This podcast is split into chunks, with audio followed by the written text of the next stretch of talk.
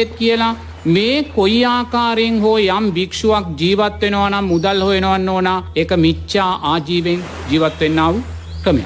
භික්‍ෂූන් වහන්සේලාට මුදල් පරිහරණය අකැපයිද ස්වාමින් වහන්ස. අනිවාර්යෙන්ම අකැපයි. නමුත් ස්වාමින් වහන්ස මේ සමාජය තුළ මුදල් පරිහරණයෙන් ඈත්ව කටයුතු කිරීම ප්‍රායෝගික නැහැ කියලා. මේ වෙලාවේ වැඩසටහන අහන ස්වාමින් වහන්සේ කෙනෙක් තර්ක කොළොත් ස්වාමින් වහන්ස කරුණු ඉදිරිපත් කළොත්. මෙහෙම ඒ කාරණය ප්‍රායෝගික නෑ කියනවනම් ඒ කාරණය ප්‍රාවියෝගික කරගත්ත භික්ෂුවක් මම කියල මට කියන්න පුළ. මගේ භික්ෂු ජීවිතේ මම කොතනකදිවත් මට එක මේක අවස්ථාවක රුපියල් පණහා කල්ලන්න සිද්ධ වුණා. ඒ මගේ සාමනේර කාලෙදි. මං පැවිදිවෙලා මාස හතරයි එතකොට. ඒ රුපියල් පනා අල්ලන්න මට සිද්ධ වනේ එදා මං කැපකරු මහත්තෙකුට එන්නෙකුවමාව බස්ස කරනක් ගන්න කළේ මහත්තයාවෙන.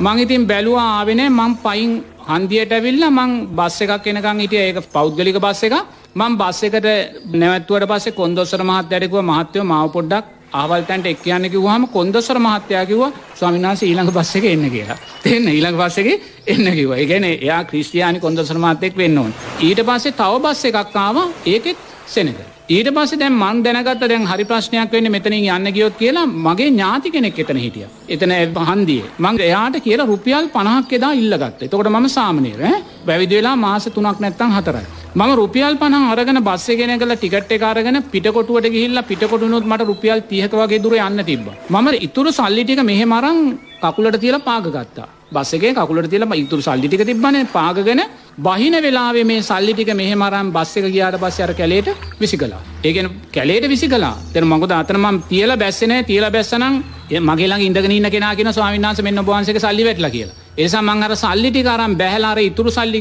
යම් ප්‍රමාණයක් තිබ්බේ ඒක අතනට විසි කළා දැම්මා.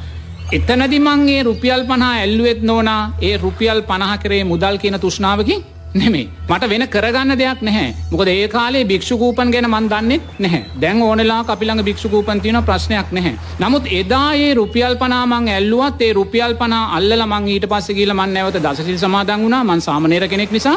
ඇල්ලුවත් ඒ ඇල්ුවේ නෝනා සත පහකුවත් දසමකවත් තුෂ්නාවකි නෙමේ තේෙන්න්නත් මොකද ඊළඟ බස්සකෙත් කොන්දසර මහත්තයා බෑකිවොත් මන්දන්න කොන්දසර මහත්තය කරගන්නාව අකුසලේ ප්‍රමාණය අකුසලේ ප්‍රමාණය මම දන්න. ඒ නිසා එදායේ රුපියල් පනා අල්ලන්න සිද්ධ වුණා මං ඊට පස්සේ නැවත දසසිල් සමාදන් වුණා ඒ ඇර නෝනා මේ මොහොත දක්වා මගේ අතින් එක සතයක දෙයක්වත් මං ස්පර්ශ කල්ලා නැහැ පර්ශ කල්ලා නැහැ. නමුත් මේ මොහොතේ මට ලංකාවේ එහාකුණට අන්න ඕනුනොත් නෝනා